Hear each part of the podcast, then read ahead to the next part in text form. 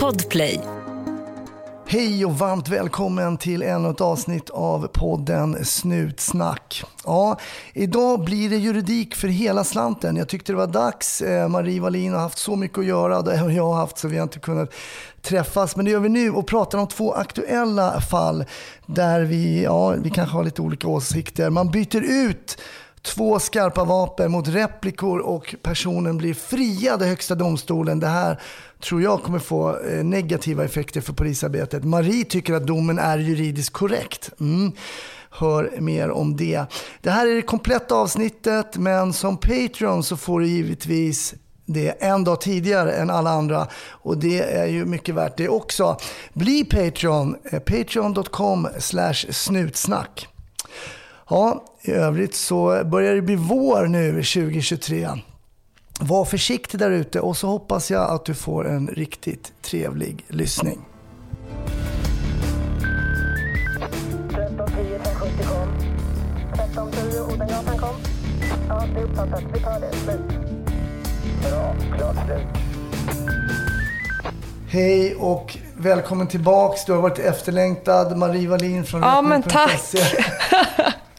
Ja, det har varit lite ett... ehm, vi har ju för sig haft kontakter, men vi har inte varit i det publika. Nej, men du jobbar, är du Sveriges mest hardworking jurist eller? Mest splittrade uppdragsjurist kanske, när man jobbar i olika delar. Eh, nej, men det, och det här har jag tyckt varit eh, tråkigt att vi inte har hållit vid liv, måste jag säga. Men det har varit, och du har ju för sig också haft lite... Ja, men jag också, annat. Ja, det har dykt upp massa grejer. Jag gör morgonradio och grejer. Jag får ju gå upp lika tidigt som du. Jag vet att du går upp jättetidigt, Mm. fast du går upp frivilligt så tidigt. Jag vaknar av mig själv. Vilken tid vaknar du? Ja, alltså det, vi pratar ju tio, vi pratar fyra. Nej, men alltså, det är Jag vet, normalt. Det är inte normalt. det- Nej, och då skyller jag det på att jag alltid har hundar som behöver gå ut. Nu har jag en valp. Så att ibland faktiskt är det han som väcker mig. Men jag, nej, jag, jag, men jag, så här, jag har alltid varit morgonmänniska. Så det är verkligen så här, det är då jag är pigg och det är då jag vill springa min mil. Men kan ju. du jobba sen? Sätter du och jobbar sen då vid fem? Eller Ja, vad? då är jag bäst. Oh i huvudet. Lord, När vi spelar in det här Ja. är klockan halv tolv, så du börjar bli lite trött Mm, nu nu är jag kanske? lite trött. Nu nu blir det snart eh, middag. Ja, men det är i Ja. alla fall, det kan säga så här, det är jättekul att ha det tillbaks. Idag ska vi ägna det här avsnittet bara kring lite juridik och tycker jag är jätteroligt för vi har saker att ta igen. Det har hänt mycket. Ja, det händer ju jättemycket. Det gör det faktiskt. Eh, och eh, vi ska börja med att, tycker jag, prata om eh, en grej som har hänt eh, ganska, eller det, det har inte hänt ganska nyligt, men domen har kommit ganska nyligt. Och det är nämligen så att en man hade två inkräktare i, hemma hos sig. Han vaknar av att det kommer in två eh, maskerade människor som de krossar en ruta, går in i hans lägenhet. På andra våningen är de. Och eh, vad som händer här är att han drar fram en, ja, någon, någon typ av stor kniv, någon jaktkniv. Jaktkniv som man hade nära sängen. Ja, nära till hans. i garderoben tror jag. Ja, mm. Man kan ju undra vem som ligger liksom med en jaktkniv nära till, till hans. Men han, som jag uppfattar det så kände han sig då väldigt hotad. Ja, det av kan- förklarliga skäl. Av förklarliga Ja. skäl när folk kommer in på andra våningen, eh, krossar rutan. Och sen så knivhugger han de här, attackerar han dem och båda männen dör. Mm. Och nu har det kommit då en dom, i och för sig från tingsrätten så kommer vi antagligen att, att överklaga, som man säger så. Ja men precis, nu tänker du lite som jag. Märker. Det här med att man tingsrätten i och för sig, den kan komma att... Men samtidigt, den är ju just nu aktuell att prata om ändå. Men det är Borås eh, tingsrätt. För jag förstår att det här var i Ulricehamn. Ja, just det, som det hände. Ja. Men vad som händer här, det är helt enkelt att eh, tingsrätten har friat Mm. den här mannen då som dödade de här två inkräktarna kan vi väl kalla dem då. Ja, för det var ju en del i media när åklagaren väckte åtal. Att man tyckte att det här var ju inte klokt. Man måste väl kunna försvara sig i sitt eget hem. Och det är det som jag tycker är lite bra i svensk rätt. Att bara för att en åklagare åtalar betyder ju inte det att det blir en fällande dom. Nej. Så det är också ibland lite så mycket brus ibland kring att en åtalare har väckt åtal som att det, bet- eller en åklagare har väckt åtal som att det också betyder att då blir man dömd.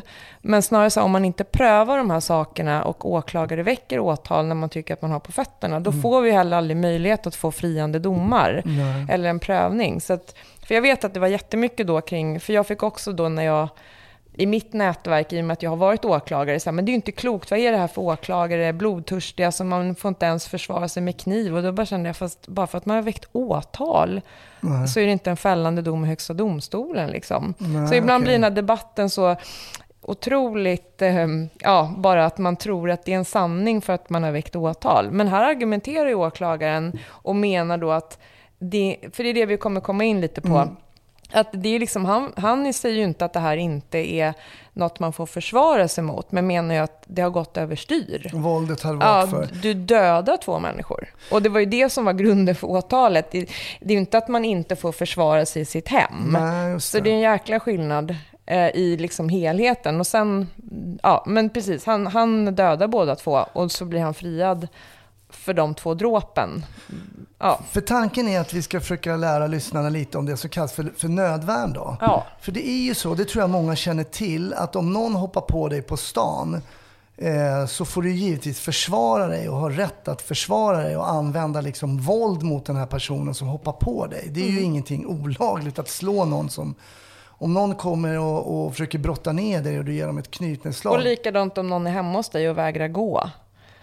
För det är olika situationer liksom. Så att det här pågående brottsliga angreppen på ett eller annat sätt. Där du liksom har rätt att någonstans, ja men inte bara så här vända andra kinden till och titta, utan så här, nej, du får agera i en situation. Får man vålda ut någon ur lägenheten så att säga? Ja, men det är, det är också den här paragrafen då, om man tittar på, det är liksom inte så att man, ja men i den situationen eller den, utan det är ju så här, i de här situationerna, när det är det här mer som du pratar om, påbörjat eller överhängande brottsligt angrepp. Och Ja. det kan vara både på person och egendom. Så Okej. det är även om någon skulle gå på din bil, eh, eller din hund, som är ju en egendom, så har du rätt att... att eh, och så likadant det här om någon tar...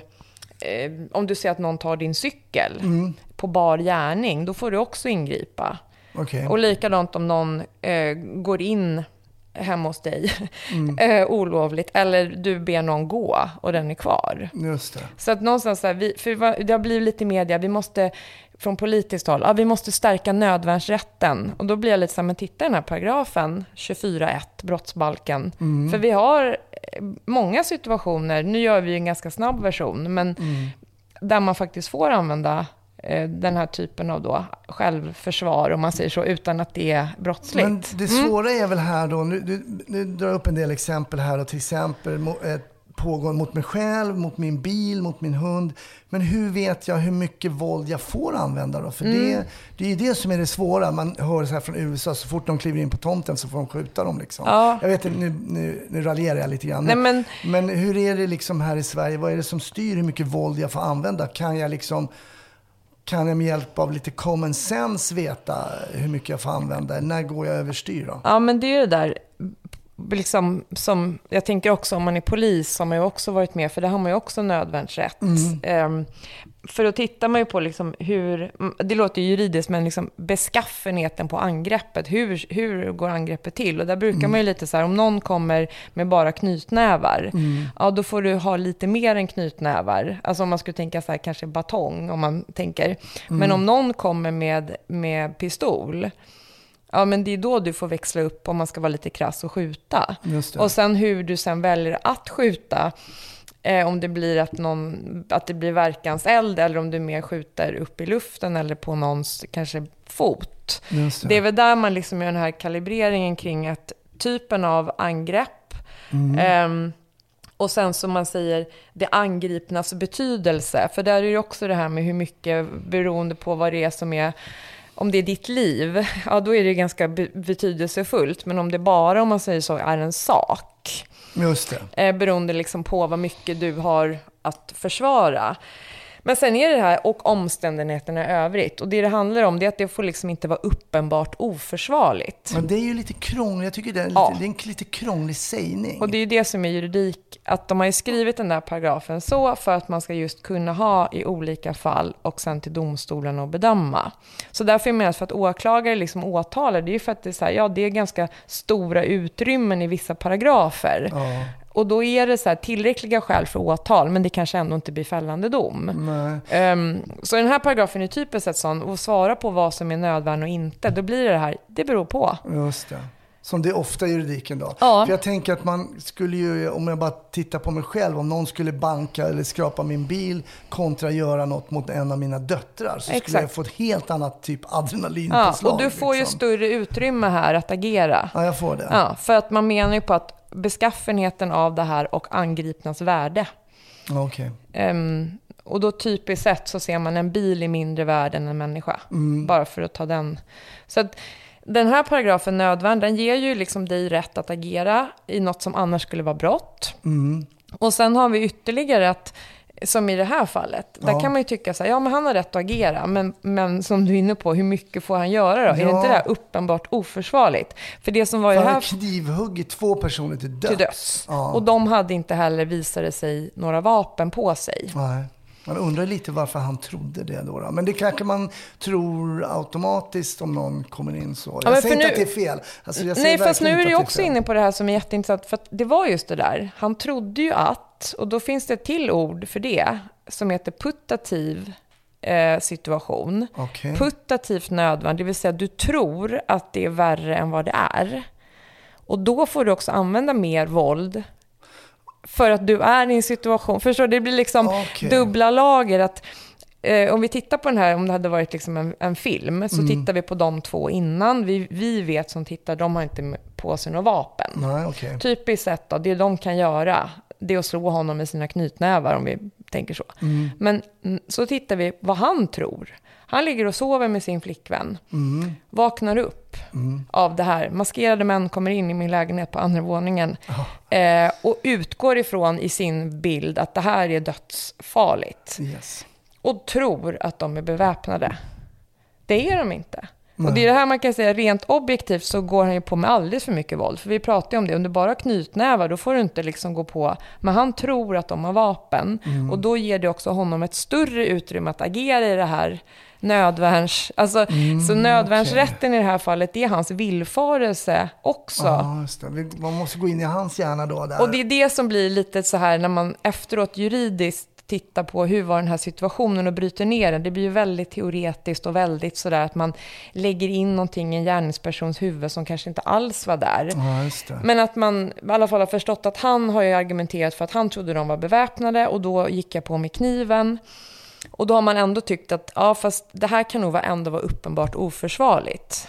Ehm, men man måste vara inne på att han är i en annan bild av verkligheten än vad verkligheten är. Och sen tar man också det här vidare till en annan bestämmelse. Eh, för det är det man kommer fram till ju, att han svårligen kunde besinna sig. Just det. Och det är något som kallas för nödvärnsexcess. Som finns i en annan paragraf. Var, var hittar vi den där? Den finns då i, i samma kapitel, men i sjätte paragrafen. Okej. Och då säger man att om man har till exempel en nödvärnssituation, eh, men man har gjort mer, men man svårligen kunde besinna sig, då blir man ändå fri.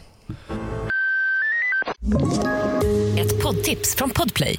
I podden Något Kaiko garanterar östgötarna Brutti och jag, Davva, dig en stor dos skratt. Där följer jag pladask för köttätandet igen. Man är lite som en jävla vampyr. Man har fått lite blodsmak och då måste man ha mer.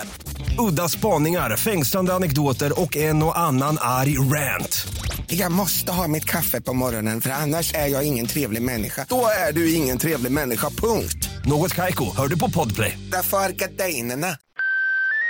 Att han då är så, kanske i det här fallet, han går in med kniven där och han är så adrenalinstinn och han känner ett hot mot honom, hot mot eh, den här flickvännen som är där. Att han bara rasar på liksom. I någon form av excess. Ja, Ja, okej. och det är det som man måste bryta ner. Först är det liksom nödvärn i sig, ja. Och så trodde han att det var värre än vad det var. Men det får han någonstans, det blir på hans, som man säger, pluskonto. För situationen var sån att det inte är konstigt att han hade villfarelsen om att de hade vapen. Och då kliver man i att han får ett lite större utrymme att agera. Men så tycker man ändå, fasen han har gjort för mycket. Men då tittar man, och det är det som blir det här, att det inte bara räcker med en paragraf. Att man måste liksom titta vidare när man säger att vi måste ha bättre nödvärnsregler i Sverige. Ja, men titta även i 24.6 då. Det är inte bara nog med att du kan få ha en villfarelse om att det är annat värre. Utan dessutom har vi det här att du får göra mer än vad som medges. Om det är så att man tittar på dig i din situation, att du svårligen kunde besinna dig. Och då tittar man till exempel på om någon är extra nervöst lagd, det är mitt i natten, du är extra stressad. Så där liksom, går- Flickvännen ligger bredvid, du har ytterligare någon och henne hade han ju försvara då, kanske. som jag förstår, sett till att hon var inlåst på toaletten. Ja, så att det här, för det här var en etta. Så han var så här, gud, vi är ju fast i det här. Mm. Ehm, men att han liksom har den här bilden av att det här är livsfara. Yes. Ehm, och då är det där, då, då menar man, då lägger man också det honom till sin positiva del. Man säger att han svårligen kunde besinna sig i den här situationen. Mm. Så att det är därför jag menar att jag tycker att våra nödvärnsrätt Ändå rätt starkt. är då. rätt stark. Ehm, och därför har jag lite synpunkter på de som pratar om att politiker, om att vi måste ha, och lägga massa tid och utredningsskattemedel på det. Mm. Istället för att kanske se, för här har vi en situation där man faktiskt använder både att han hade varit i puttativ nödvärn, han trodde det var värre, Mm. Det. det får han liksom tillgodoräkna sig och han får också tillgodoräkna sig att han svårligen kunde besinna sig. Eh, för rent objektivt, om man tittar på situationen, han hade inte behövt döda dem, Nej. kan man tycka utifrån juridiken. Nej, det, det kan man väl tycka. eh, Ehm, alltså, Ja, rent rationellt när man Ja. sitter och tittar på det efteråt. Men, så att på det här sättet kan jag tycka att det är jättebra, inom situationstecken, att åklagaren åtalar. Så att vi får den här domen, att Borås tingsrätt sitter och tittar igenom det. Eh, och sen får vi se om det kommer upp till hovrätten. För vad han, eh, vad han åtalade på var ju inte mord där, eh, åklagaren, utan det var ju grovt vållande till annans död. Mm. Ja, det var, d- det var väl det inte så? drå- Grov misshandel. Ja, det var ju väl andra hans... Jag tror att han var ju Ett dråp var det va? dråp. Ja, och just det är ju liksom en... Mm. Ja, men i Sverige har vi inte det här first degree och second degree. Men det här är ju lite så här... Att det var inte så att han bara, nu ska de dö. Nej, just det, precis. Han hade inte det direkta, inte direkta, nej. uppsåtet att Men ändå att det dem. blev ett uppsåtligt mord. Och Mm. då blir det ändå ett liksom mera lindrigt fall och då heter ju det dråp. Men samtidigt, och det är ju inte, jag menar när jag säger att det är bra, det här är ju en vidrig situation. Det är väl dåligt i allt det här som hände. Men utifrån ett juridiskt sätt att liksom återigen titta igenom vad har vi för nödvärnsrätt i Sverige? Ja, om den här står sig så kan man väl tycka utifrån ett tyckande att det är, är ju inte så att man ska kunna bara, åh nu är det fri lejd och döda inbrottstjuvar. Nej, just Nej. det, precis. Nej. Eh, och det är de signalerna som kan bli lite farliga när folk eh, som inte ser helheten Nej, förstår att det är inte så att det här eh, är en enkel frikännande dom. Så läser man Borås tingsrätt så har de ju verkligen argumenterat jättebra. Så det är ett lästips. Mm. Ehm, Det, det, du Mm. nämnde också att det här var i en, i en liten lägenhet. Och man säger ju att han har varit så, um, tingsrätten då, att de har ansett att han varit så trängd och rädd Mm. Att han inte haft tid att liksom överväga alternativ. Exakt, För jag tänker om, ja. du är en, om du bor i ett palats så kanske du kan springa iväg Och det är därför jag låsa in menar dig i att- ditt stora vapenskåp. Eller att det Exakt. finns alltid Mm. liksom kanske att man måste verkligen titta på just det här unika fallet Mm. då alltså. Och att han då får dem in på ett sätt och det finns liksom en väg ut. Och då upptäcker han att jag har för kort tid på mig. För hans första tanke i alla fall vad han säger, sen är det ju liksom, ja, vad vet jag? Men jag har bara läst precis. vad han har sagt i förhör. Att han egentligen hade tänkt att de skulle dra, alltså ut i trapphuset. Mm. Men upptäcker att han hinner bara få in flickvännen i toalettutrymmet som jag förstår är då närheten av ytterdörren. Och sen märker han att det är för liksom överhängande. Just Och det är också hur mycket hinner man överväga kring olika saker på natten när man vaknar. Och sen är det här också en situation där han blir dömd för andra brott i den här situationen som har med narkotika att göra. Så att vad han har i sitt, vad han tänker och tror om vad han kanske är, är hotad för, Mm. jagad för, det, det vet ju inte vi. Och det ska väl heller inte påverka då om han till exempel nu hade narkotika hemma. Det är ju någonting Ja, som ligger men, helt men mer jag tänker om han vet att han har fiender Ja. som kanske har våldskapital. Mm. Och det är kanske därför han också har möjlighet att tänka de kanske har vapen. Just det, precis. Ehm, Mm. Men det är verkligen, verkligen viktigt att veta att det är inte så att det blir någon så här ja, nu får man, för det är ju lite som du säger i USA, ja men då, då skjuter du liksom, du har en pistol som ligger på... Trespassers will be shot, Ja, typ, liksom. eh, och, och, det är en sån, och då är frågan när man pratar om att nödvärnsrätten i Sverige ska vidgas, då är det så här, vill vi ha en vidgad, eller Ja, räcker just inte det. här Mm. att man nu i, här, i den här extrema situationen fick frikännande dom på dråp? Mm. För det är trots allt två människor som har dött här. Ja, det är ju ruskigt tragiskt givetvis. Och samtidigt alltså. kan man känna, men de behövde ju inte heller ha klivit in på det här sättet i hans hem på natten maskerade.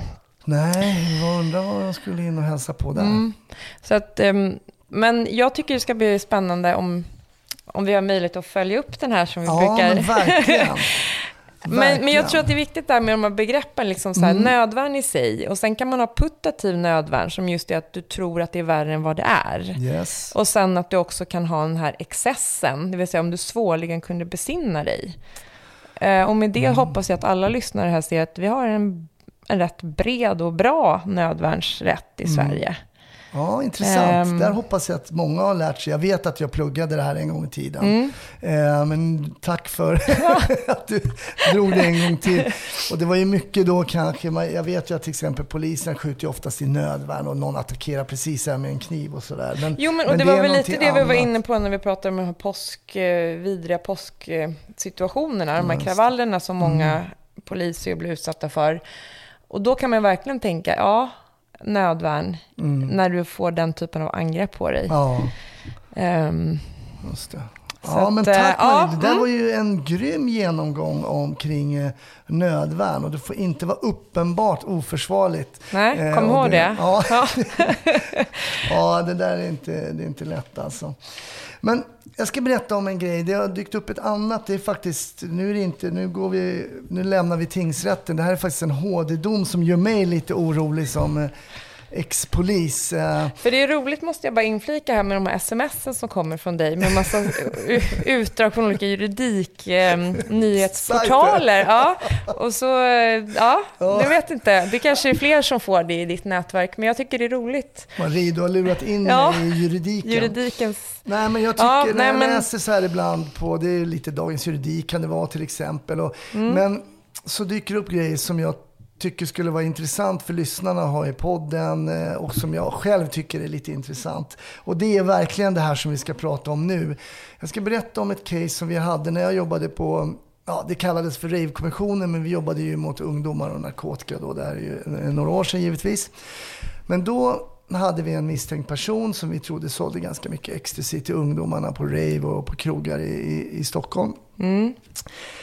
Eh, vi var och, och nosade lite i hans trappuppgång och hittade i en, en sån här, det är som, jag, vet, jag vet inte om det är någon ventilationstrumma eller någonting, men det är som ett lock, metalllock. Och i, där inne i locket så låg det då en em, påse och i den påsen så låg det ganska mycket ecstasy I trapphuset alltså? i så in- trapphuset. Så vi Ah. kunde ju inte binda det Nej, till någon eh, som bodde där eller ens kanske inte var någon som bodde där. Men ibland har man ju vissa misstankar Mm. den här personen bodde just i det här trapphuset. Då. Ja. Så då kom vi på den geniala idén att vi bytte ut eh, de här, alla de här tabletterna till, eh, ja vi köpte vitaminer eller någonting på apoteket. Och sen så gjorde vi också så att vi smetade in den här påsen i sån här lite UV-pasta. Ja, så att det blir Mm, som- finger... Precis, Ja, mm. och så kommer man med en lampa så kan man se. Men vi var där och kikade, nej det var ingenting. Men en vacker dag så såg vi då att när man lyste på hans eh, dörrhandtag och på runt För dörren. ni hade en, eh, En sån lampa, i trapphuset misstänkt? Alltså, Ja, en när du- misstänkt, ja, ja. Som ni tänkte? Ja. Mm. Surprise, surprise, eh, så var det då den här personen. Eh, och vi fick ju då också eh, beslut från åklagaren. För det, det var ju ganska mycket som tydde på då att han hade rört vid den här påsen, tagit sig in i sin lägenhet. Och mycket riktigt, vi hittade också. Och personen blev sen också dömd för det där. Och vi tyckte det var ganska ja, smart, det är väl att ta i, men det, det var väl en ganska bra metod för att styrka. Vi tog eh, narkotikan i beslag för att inte riskera att den skulle försvinna, för det var ganska mycket narkotika. Och vi kunde sen också misstänka att han hade varit inne och sen kunde vi också styrka, eftersom vi tog beslag hemma hos honom och det Som inte var då narkotika utan kanske vitaminer. Och vad sa han då? Minns du det? Eh, nej, men han eh, hade väl hittat det där såklart eh, av en tillfällighet. Eh, men det höll inte.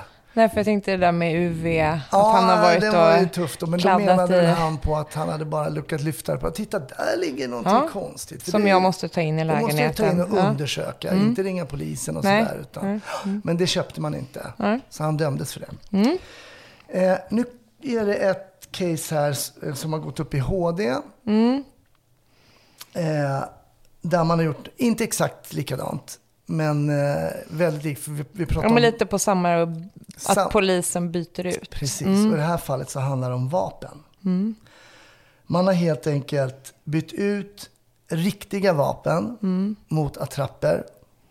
Och sen har personerna hämtat de här attrapperna. Mm.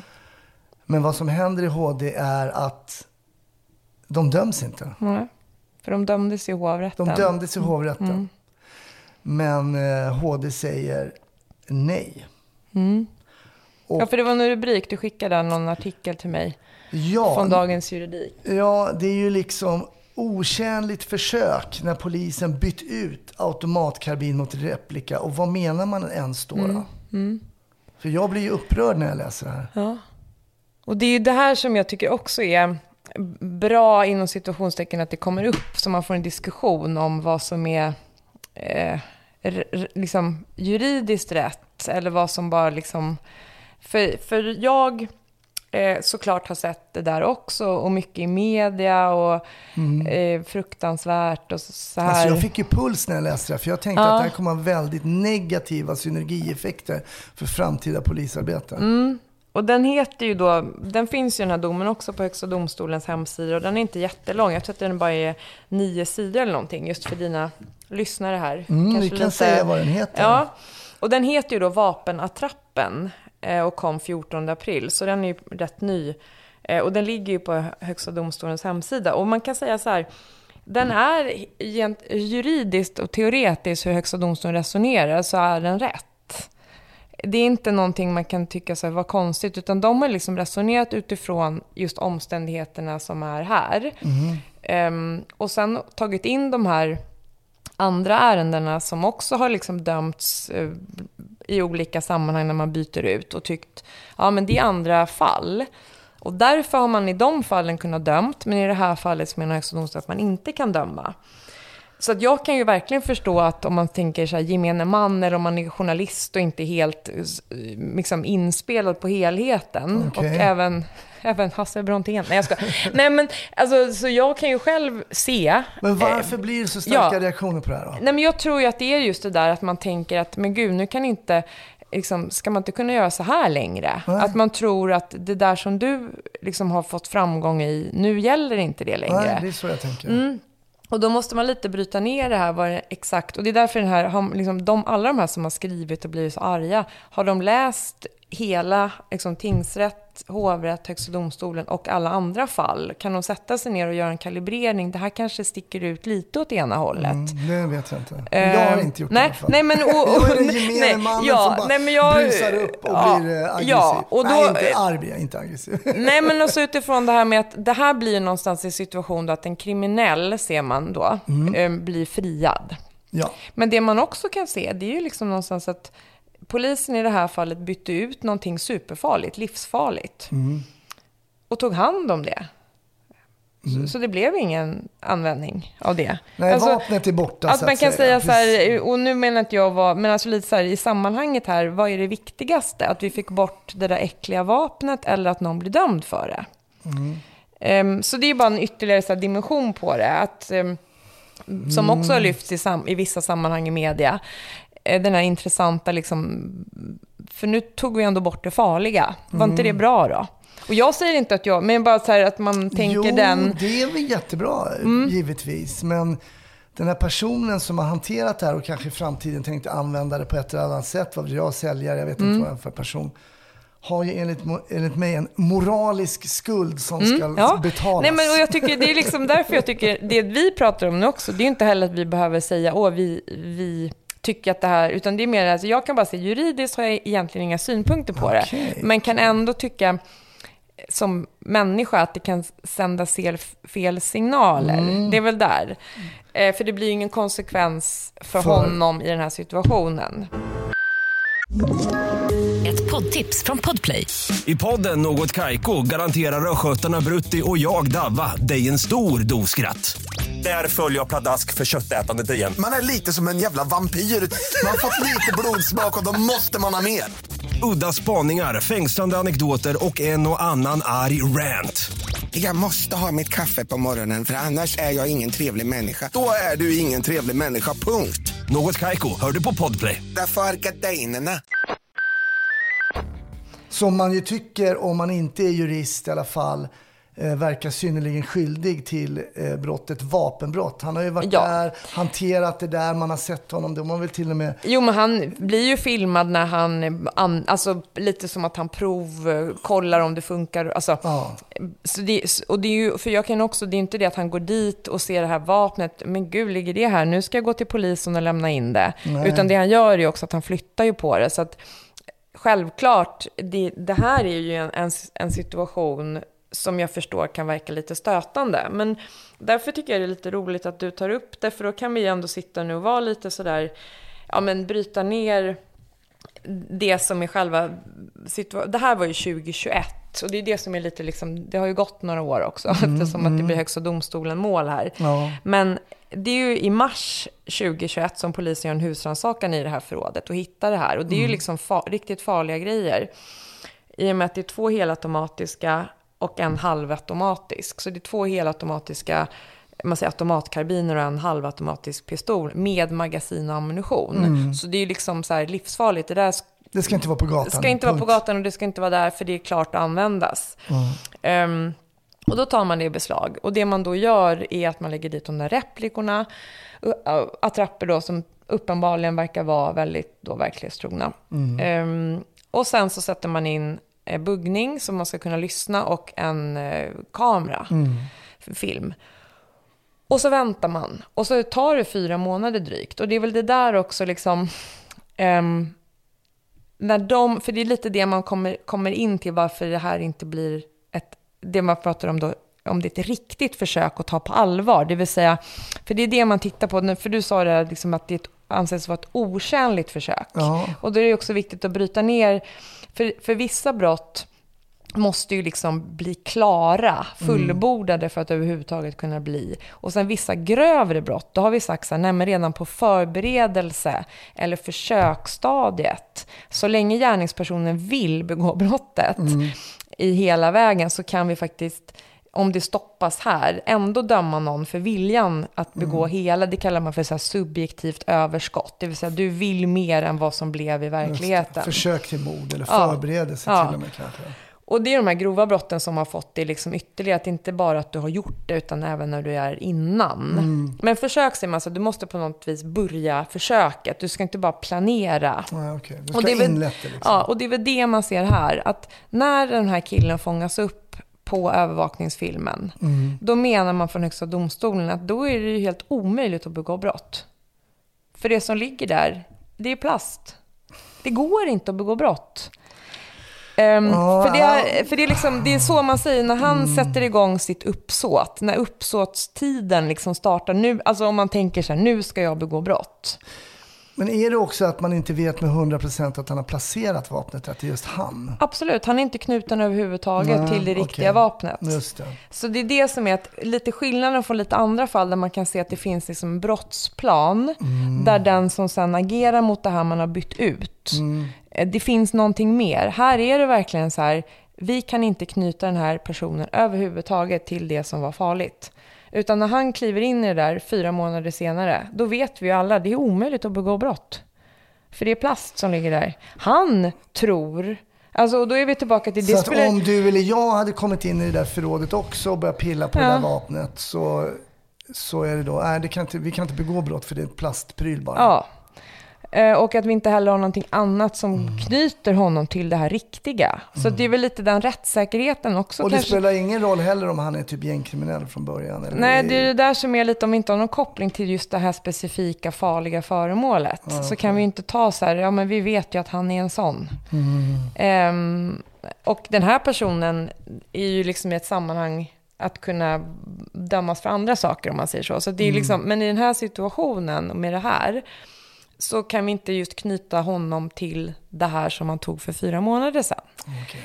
Så att det är han som fångas på filmen som gör lite de här skjutrörelserna. Och sen är det också en annan person som blir åtalad för medhjälp till det här, som har kört honom dit, till platsen. Så det är liksom, man har ju ändå åtalat in. Och personerna döms ju för det här i hovrätten. De frias i tingsrätten men döms i hovrätten men frias sen av Högsta domstolen. Så vi har haft en hovrätt som har tyckt att det här är straffbart. Just det. Ehm, och, och det är väl liksom det där som blir lite, liksom att vilka gränser ska vi dra i förhållande till vad som är liksom möjligt att begå brott i? Jag tror att det, det finns ett problem här att jag Mm. till exempel är ex-polis och sådär. Det är ju ibland så att man har ju viss kännedom som polis kring till exempel vi skulle kunna göra jämförelse med det som jag berättade innan vi pratade här. Att vi hade inte heller, vi hade ju inget konkret fysiskt bevis på att det som låg i den där ventilationstrumman, att det kunde... Vi var ju där för att vi misstänkte att han höll på med det här. Eh, Vi hade ju tips om att han höll på med det här. Eh, Vi hittade det där men vi visste ju inte att det, det skulle man, man hade ju kunnat applicera. Så det går inte heller att begå brott och, och ta några vitamintabletter. Nej, och, och det hade liksom, om man tänker om, om det som ni var med om hade kommit upp, Nu. så vet man ju inte om det också hade blivit en sån kantboll det kan ut. ändå ge negativa synergieffekter Ja, i en så- framtid. Eller så var det fel att eran kille blev dömd. Alltså, Ja, ja. Om man tänker...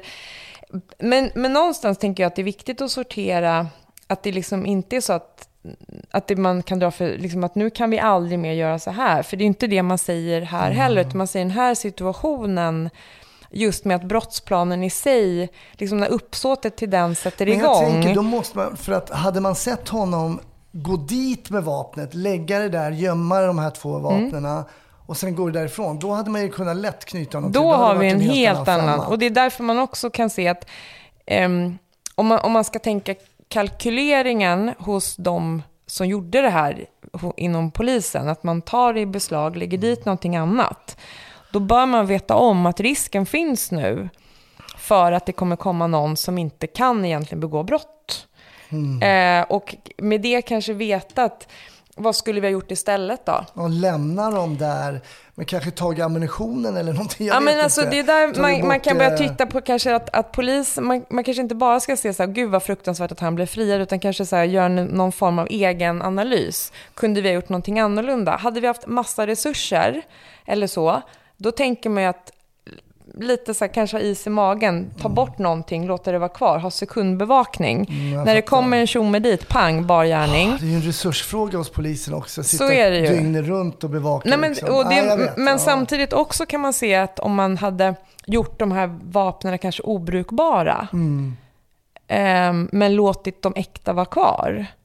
Alltså att man får vara kanske lite i det här, om man just har den här situationen att vi inte kan knyta någon. Tänka utanför boxen. Ja, alltså, och, och sen i, När det kommer sådana här domar. Ja. Ja, för att annars har vi, lik, alltså har vi de här situationerna med lite så här, beslag görs den dagen och vi vet inte vem som har planterat det. Nej. Och sen bara tänka, vi hoppas att någon kommer. Så kommer någon efter fyra månader som vi inte kan knyta till ursprunget. Eh, f- för jag menar, självklart har man ju tagit fingrar och allting och man hittar ju, man får ingen träff på honom. Eh, och veta om då att då kan det här bli friande. Eh, och då kanske man får som sagt titta på bra att vi fick bort det från gatan men inte förvänta oss en fällande dom. Men alltså det är jag tror mer... här, vi pratar lite om gemene man. Jag tror folk Ja. vill att de här som hanterar vapnen blir fällda och, och, och Ja. dömda. Och nu kunde man inte, då blir man upprörd. Och det, jag tillhör ju en av dem då. Men det fanns ju, jag vet att det fanns någon russin Ja. case, Ja. eh, russin, när man Ja. hade kokain och så bytte man ut det mot russin. Gud, det där är ju... Ja. Ja, men då, han blev, han blev Jo, men det var ju en... man ju dömda. Ja, för det var roligt att du... Eller roligt, men det är sån här eh, klassiker, höll jag på att säga. För det, det är något... är länge sedan. länge sedan. Och det var precis det där med utbyte av, för det tänker jag, det är väl med ditt eh, knarkjobb. knarkförflutna. att man just, för det var mycket så här, ja, så russinmålet liksom. Och jag tror att det var nog, det var är just ehm, smuggling in. Mm. Int, internationell liga. Ja. Nitt, alltså 92. Okej, ja, så det det här sedan. är ju länge sedan. länge Och sedan, redan ja. då hade vi organiserad brottslighet som kom in ehm, och lastas om. Det var massa kokain, som jag minns det. Och så gjorde man om det till russin. Ja. Men då var det mycket mer insmetat i ehm, att för det, det fallet refererar man till här också. Okej, Ehm, okej. För det är från 92, nu kan jag inte riktigt numret, men alltså det är från 92. Och då säger man att det var ett annat, det är liksom ett annat, ehm, eh, en annan tidpunkt och start. För där hade de liksom, kunde se kedjan, att det har kommit in smuggling från ett land. Det var chilenare och italienare här, eh, som liksom i princip bara var här för att göra det. Byter ut då, eh, det var tullen tror jag i Göteborg som bytte ut till, till russin. Och då har de, liksom, jag tror det bara sex dagar emellan från det till att de liksom börjar ha massa telefonkontakter om det här partiet, att det ska upp till Stockholm. För det är Stockholm sen som um, åtal väcks kring att man då har hanterat, man har ringt, man har förflyttat Okej, det här. Man har massa annat. Så det var lite så här Ja. utifrån helheten och de döms liksom i, i ett annat narkotika. Jag tror att man kunde se mera trådar där eh, Eh, med just det du är inne på nu. För det är ett jätteviktigt fall, russinmålet, just utifrån att man ser att det här med att kunna byta ut. Ja. Ehm, Kommer bli besviken på varenda film man ser. De byter, byter ut varenda så här. och byter ut, byter. Bara, Nej, gör det inte, gör det inte.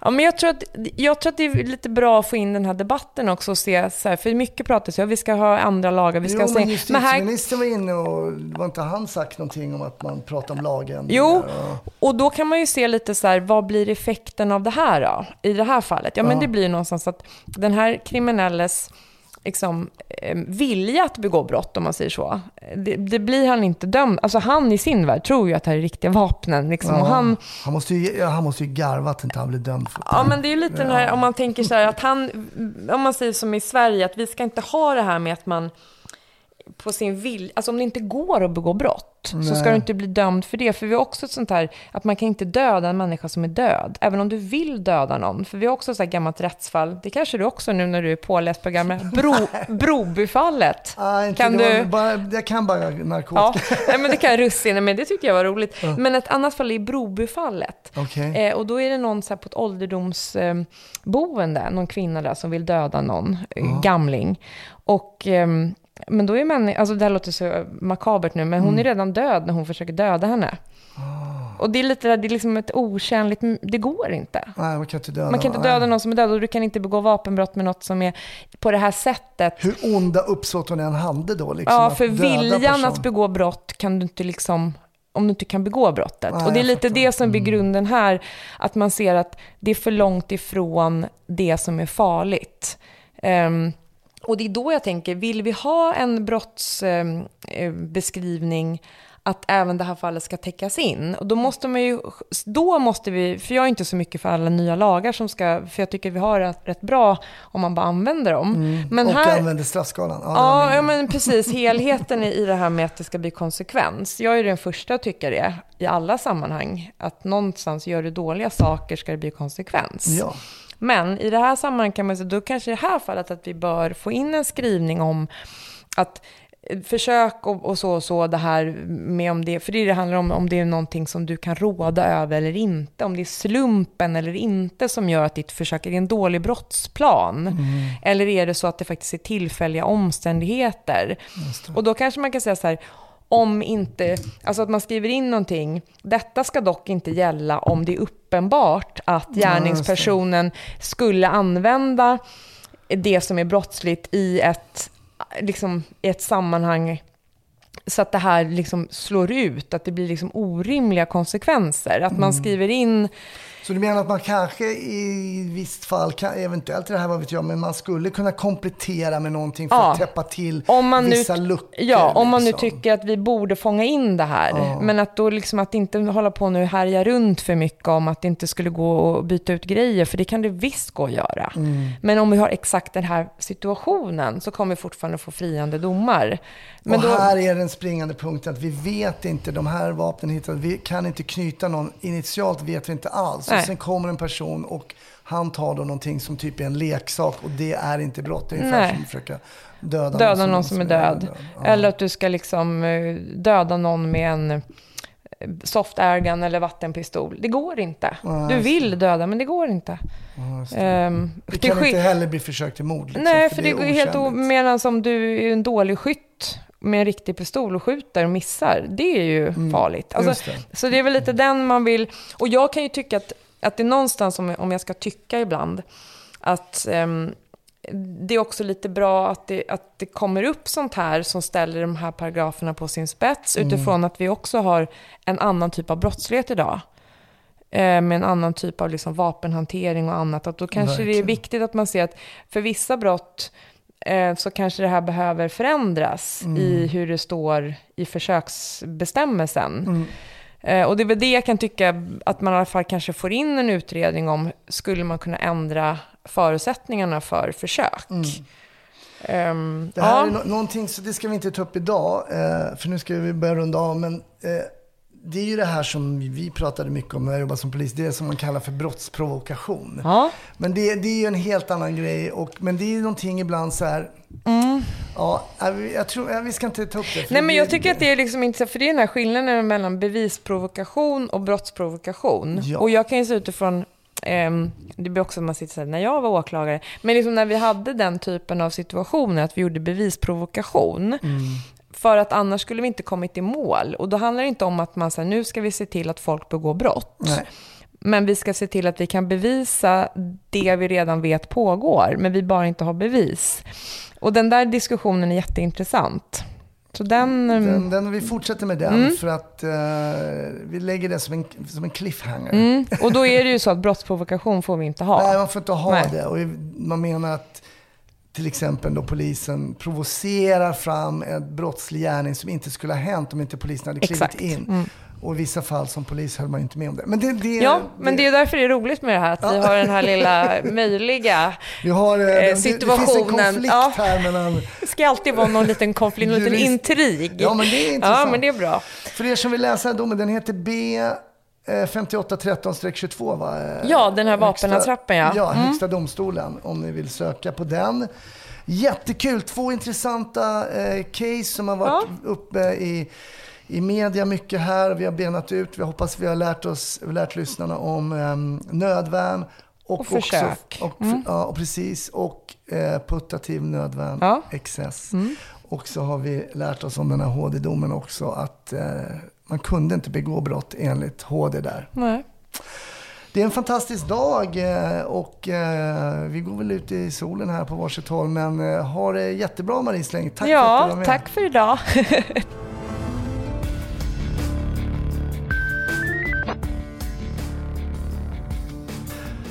Sådär, det här var ett komplett avsnitt av podden Snutsnack. Är du inte Patreon än så rekommenderar jag givetvis det. Det blir ju på patreon.com snutsnack där man eh, får ta del av podden en dag tidigare, helt utan reklam och oftast då helt komplett. Man missar ju lite om man inte är det.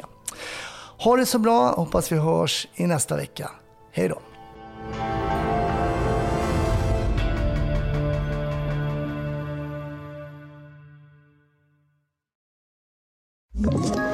Ett poddtips från Podplay. I fallen jag aldrig glömmer djupdyker Hasse Aro i arbetet bakom några av Sveriges mest uppseendeväckande brottsutredningar. Går vi in med hemlig telefonavlyssning och, och då upplever vi att vi får en total förändring av hans beteende. Vad är det som händer nu? Vem är det som läcker?